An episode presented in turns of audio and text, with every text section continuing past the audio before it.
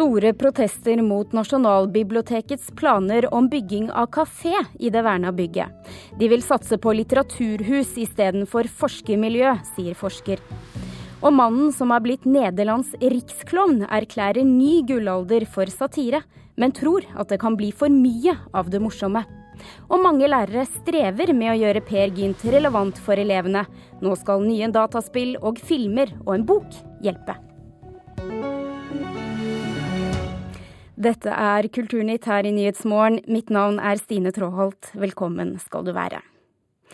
Nasjonalbiblioteket i Oslo er vernet både innvendig og utvendig av Riksantikvaren. Men Byantikvaren har likevel tillatt at bygget nå kan endres innvendig, og godkjenner dermed en bygging av en kafé inne i bygget. Det virker som det er viktigere å få, til, eh, få inn folk som drikker caffè latte, enn å skape et godt forskermiljø, mener en forsker med arbeidsplass ved biblioteket. Og skepsisen mot ombyggingen får også støtte av Fortidsminneforeningen. Ja, Det som frykter å skje, er jo det som er i ferd med å skje. Det sier Svein Solhjell i Fortidsminneforeningen. Noe av det kan tenkes å være reversibelt, noe vil sikkert bli forandret for alltid. Men det å endre selve innholdet her til en ja, kaf kafeteria, eller hva det skal bli for noe, det vil, eh, sammen med de fysiske tiltakene, det vil endre dette fullstendig. Nasjonalbiblioteket i Oslo skal bygges om for å gjøres mer attraktivt for publikum. Blant annet skal det bygges en kafé i andre etasje. Fortidsminneforeningen frykter at dette kommer til å gå utover det vernede bygget. Disse rommene egner seg nok ikke særlig godt for å være kafé og, og myldreområder og slikt noe, fordi at det er harde vegger og høyt under taket osv. som sikkert gir gjenklang.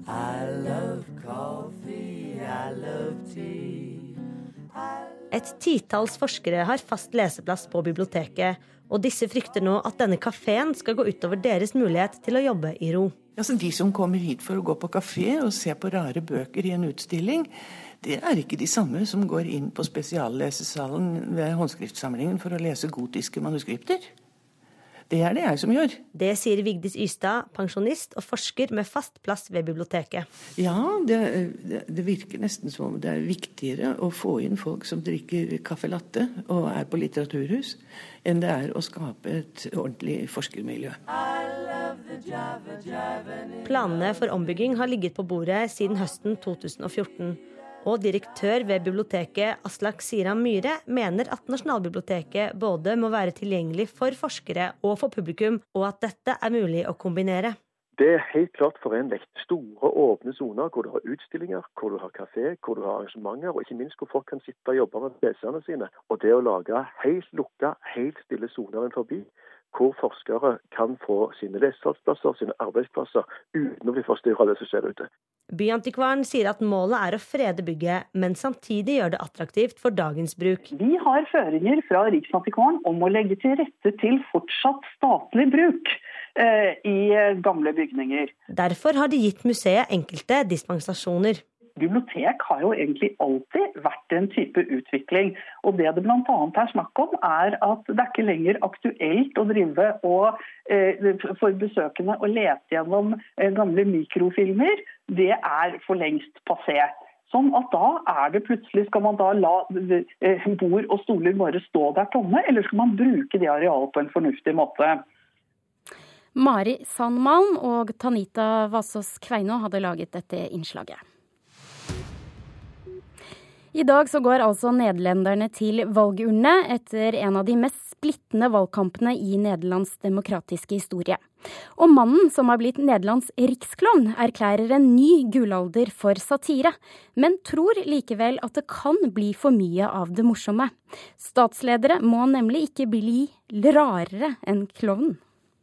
I don't think we have to repair that much. We have to even better. Arjen Lubak har en stund vært riksklovn og kjendis i Nederland. Nå tar mannen som i likhet med Nederland har fått mye internasjonal oppmerksomhet de siste ukene, et oppgjør med det han mener er en overdreven misnøye i en god tid i et godt land. Lubak og gjengen bak programmet Sontak met Lubak gjorde i januar en egen vri på innsettelsen av president Trump. Brått var de en viral global hit. Folk i redaksjonen sa ganske enkelt ja, vi forstår at det er Amerika først, Men kan vi si Nederland nummer to? Videoen fikk raskt en tysk, dansk og mange andre varianter. Welcome to this introduction video about the Netherlands. It's gonna to be a great video. It's gonna to be absolutely fantastic. We made the video and it went viral and it was on, online for 11 days and then the Germans uh, started doing their version of it. So it was out of our hands. We speak Dutch. It's the best language in Europe. We've got all the best words. All the other languages failed. Danish, total disaster. Arjen Lubak sier han først og fremst er en klovn. Ikke journalist, ikke politiker. Men han mener klovnen har fått en ny plass i samfunnet etter Trumps seier i USA og høyrepopulismens fremmarsj i Europa. Det er kanskje en gullalder for satirikere, men det kan bli for mye av det morsomme. Well, uh, uh, it's it's it goes two ways. Obviously, it's quite funny that there are clowns in politics. I mean, Trump and, and, and guys like Wilders or, or, or Boris Johnson or whatever, those kind of guys make it. They they cause a lot of dynamics. So that's good for us, dynamic, like people getting mad, people uh, saying weird things. That that's good. But on the other hand, I mean, you have to be careful that it, it should not be more weird than the things we come up with. Because it's our job to make things weird, and not their job. Reporter europakorrespondent Philip Lotte.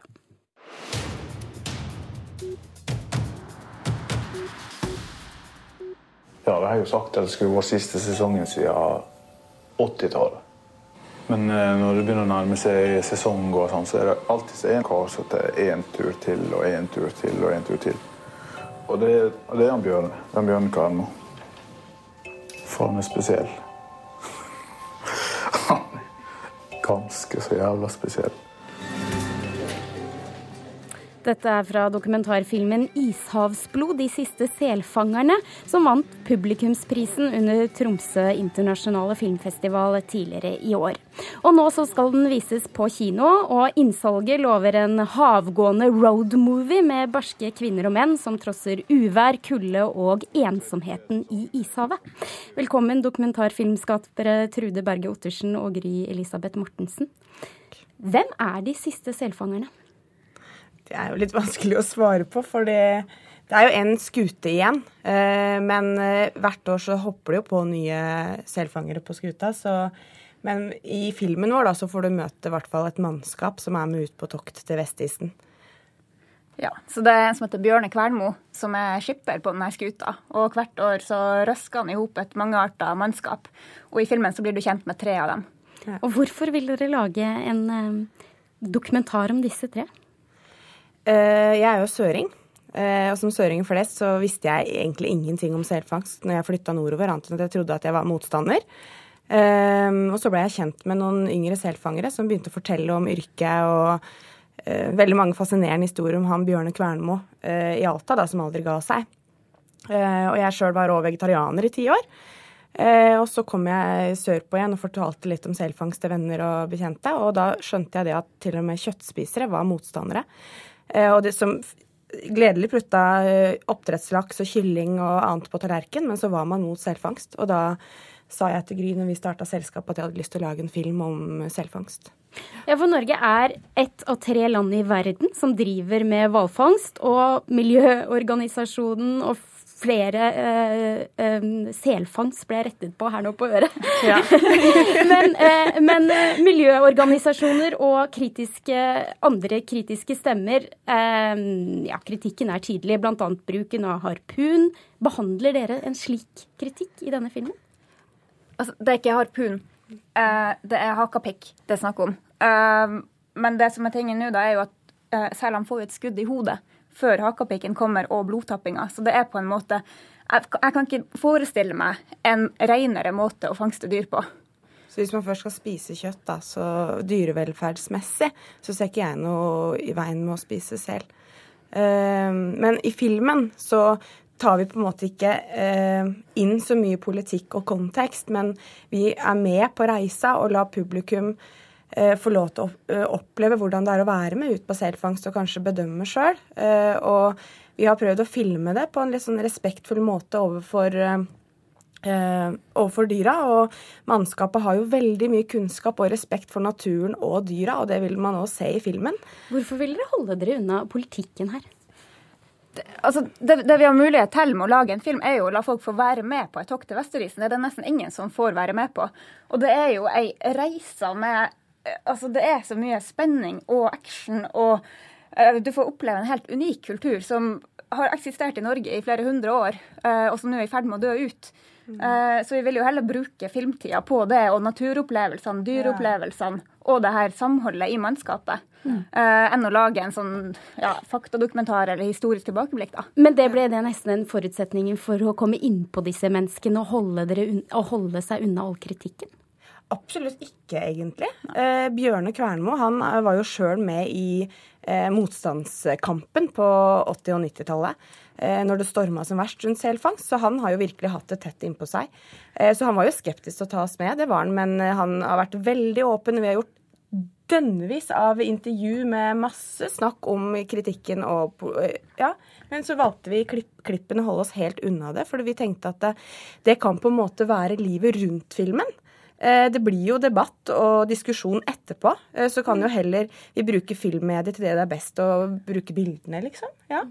Det var opptak i full storm, ja. Eh, og dere fikk også være med å smake på det tøffe livet der ute. Hvordan var det?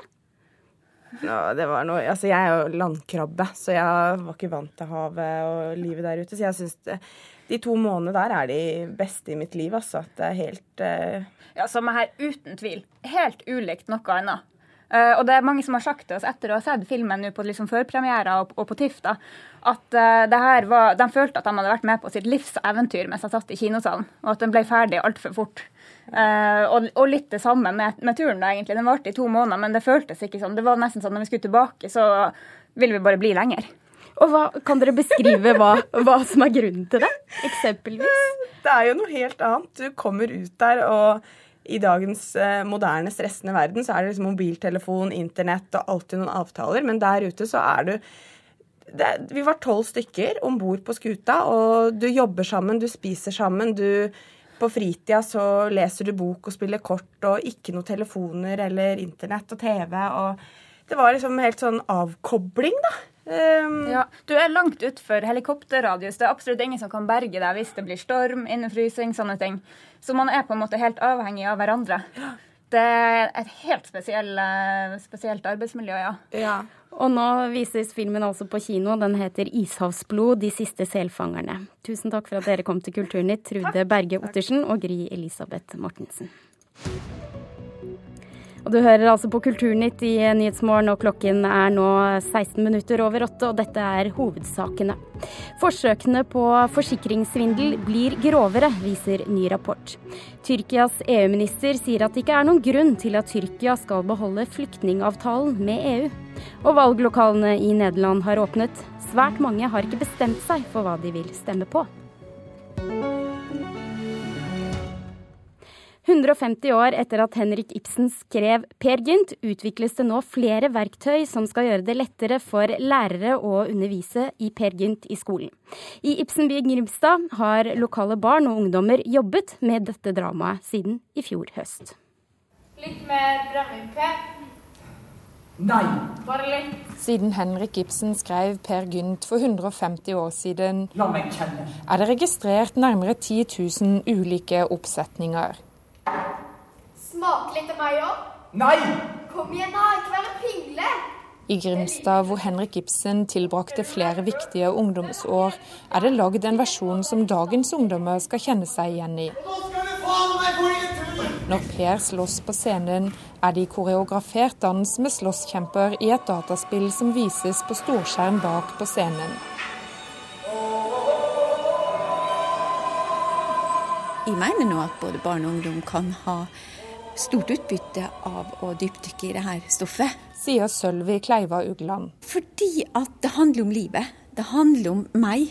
Og Per Gynt er jo veldig meg. Men det, sant? så du kan egentlig sette fokus på både det med fantasi, hans eh, drømmeverden. Kleiva Ugland har vært lærer i grunnskolen i en årrekke, og er kunstnerisk leder i Askepott-teatret som står bak teaterforestillingen sammen med Eide kulturarena. Hjelp! Hjelp! Hva er det som er krig? Det er jo kjempepotensialet i det stoffet. Pørgent, han kaster jo bort pengene. At folk må være forsiktige. De unge skuespillerne i Grimstad mener dagens ungdom kan lære mye av Per Gynt. Og de ser at han drikker mye. Så ikke lurt å bli full.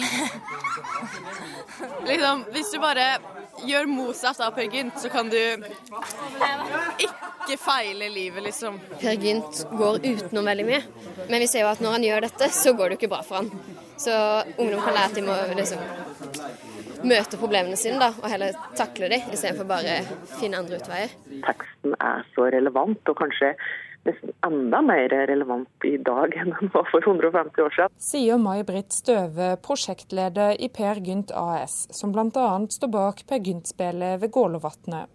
Selskapet utvikler nå verktøy som skal gjøre det lettere for lærere å undervise i Per Gynt på skolen. Ja, oss ønsker å utvikle undervisningsmateriell for livskunnskap eh, basert på Henrik Ibsens Per Gynt. Blant verktøyene er et Per Gynt dataspill og en ressursbase med filmer og digitale verktøy som utfordrer til diskusjoner rundt dramaet. Prosjektet ble starta etter ønske fra lærere som ønsker å bruke Ibsen mer i skolen, men som strever med å gjøre det relevant for elevene, sier Støve. Lærere har en ærbødighet overfor eh, Ibsen som kanskje hindrer dem til å, å leke seg med teksten.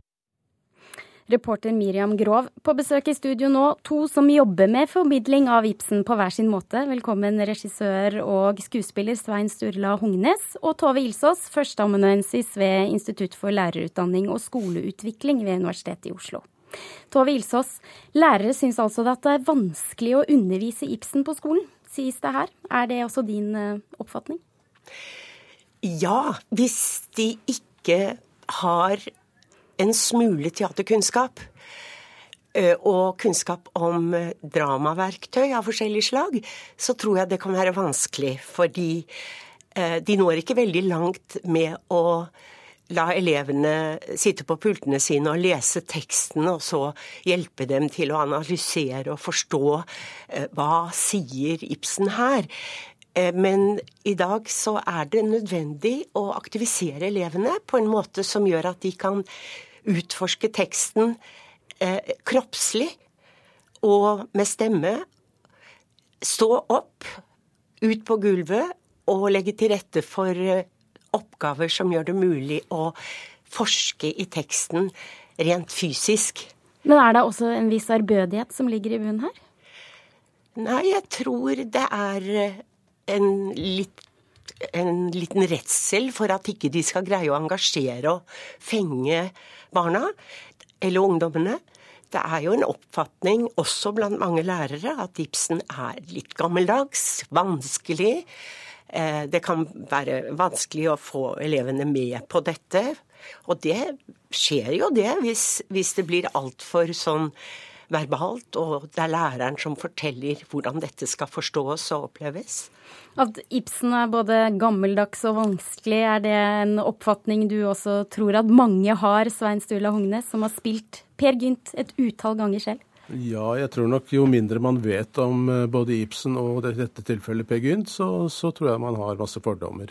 Eh, men i det øyeblikk man kommer innenfor verket, så vil man jo se hvor levende det er, og at det er veldig aktuelt og angår eh, også elever til de grader. Så jeg tror veldig på den modellen som Ilsås snakker om her, om at man engasjerer elevene, får de ut på gulvet, får de til å sette seg inn i enkelte situasjoner, leke med det og presentere det for hverandre. Da blir det nærmere.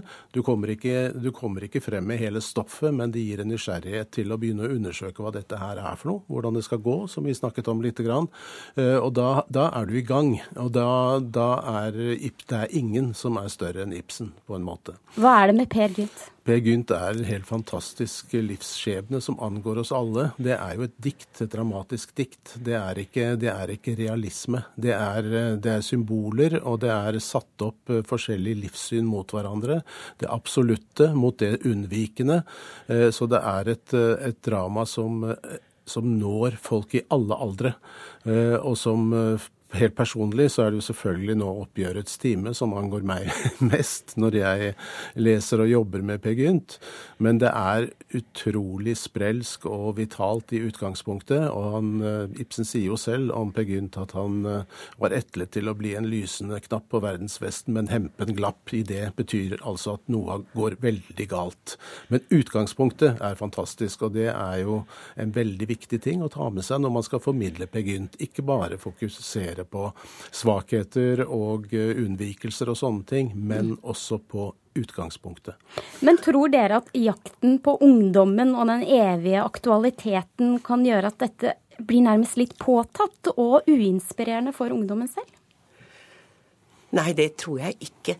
Når det fungerer, så er det jo elevene selv som på en måte gir liv til teksten, og som syns dette er morsomt og gjerne vil føre det videre, kanskje med å vise det de har kommet frem til, i form av eh, skal vi si gjen, gjen, gjendiktninger eller kommentarer til Ibsens tekst i sin egen form. Og Svein Stula snakket om, om dette med å gå utenom og bøygen og sånn, og elevene snakket jo også om det, eller denne læreren. Men det, det er jo scener i Pegin som er så medrivende for elevene, f.eks. mobbescenen på Hegstadtunet, hvor Per blir utsatt for drikkepress og, og blir eh, mister all respekt hos de andre og begår tåpelige ting fordi han ønsker å hevde seg. Du kan si at det beste eh, med, med å nå frem, eller beste beste utgangspunktet for å nå frem til eh, unge mennesker, er jo at vi ser både unge mennesker og barn som ser Per Gynt. De blir helt oppslukt av det når de ser forestillingen. Eh, det vet jeg etter å ha spilt det så mange ganger, og får så mye tilbakemelding fra foreldrene at ungene deres snakker om Per Gynt lenge, lenge etterpå. Så det er noe som når frem til dem. Og da er det jo viktig å ta tak i dette, utvikle det videre, sånn at de får den gleden som Per Gynt har å by på til hvert menneske. Og da sier jeg med det tusen takk at, eh, for at dere kom i studio, skuespiller og regissør Svein Sturla Hognes og Tove Ilsås, som er førsteamanuensis ved Universitetet i Oslo.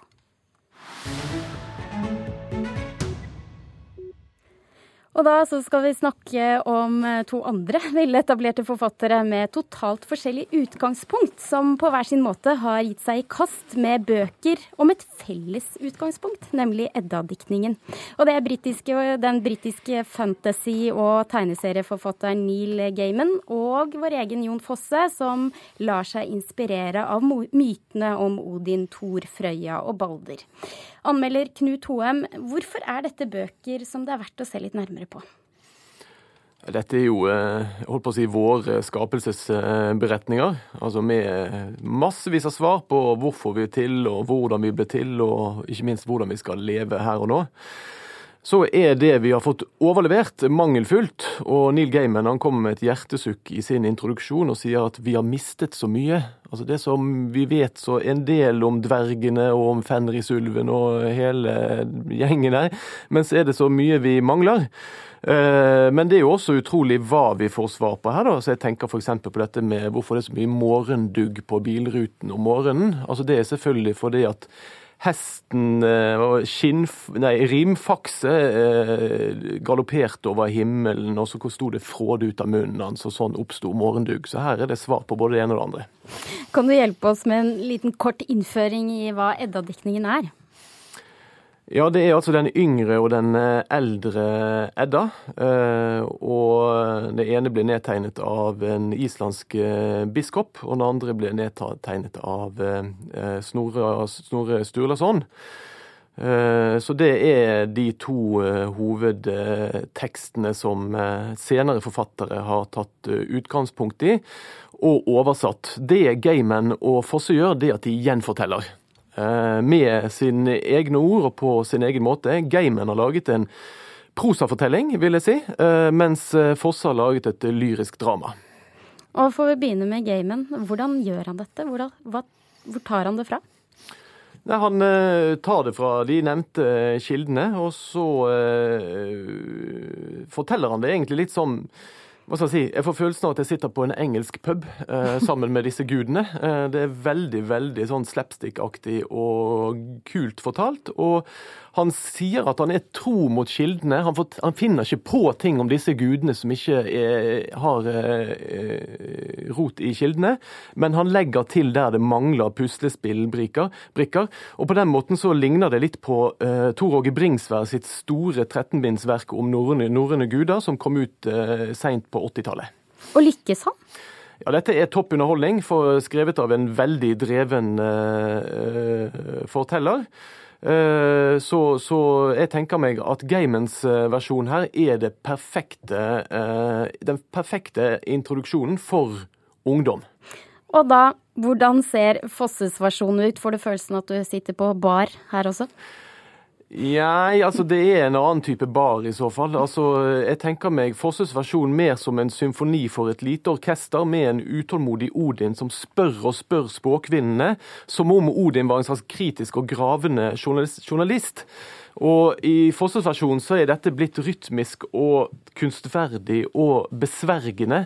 Eh, der gudene snakker til hverandre, tar ordet fra hverandre, og hele tiden med dette utgangspunktet som gjentas om igjen om igjen i opphavstider, i opphavstider. Så oppsummert så tenker jeg meg at eh, vi nå har fått to gjenfortellinger som er ganske viktige, fordi at oversettelsene som finnes er, tror jeg, for spesielt interesserte. Men om vi nå får det gjenfortalt, så er det mye enklere for et bredere publikum å til disse, ta til seg disse historiene. Og at Tor Åge Bringsvær har skrevet eh, Edda for barn, så, og Neil Gaiman har nå skrevet en versjon for, voks, for ungdom, mens Fosse har laget sin versjon for de voksne. Tusen takk, litteraturen anmelder her i NRK, Knut Hoem. Thomas Alvarstein Ove er produsent for Kulturnytt i dag. Nå får det snart Dagsnytt, for klokka nærmer seg halv ni, og Nyhetsmorgen den fortsetter til klokka er ni.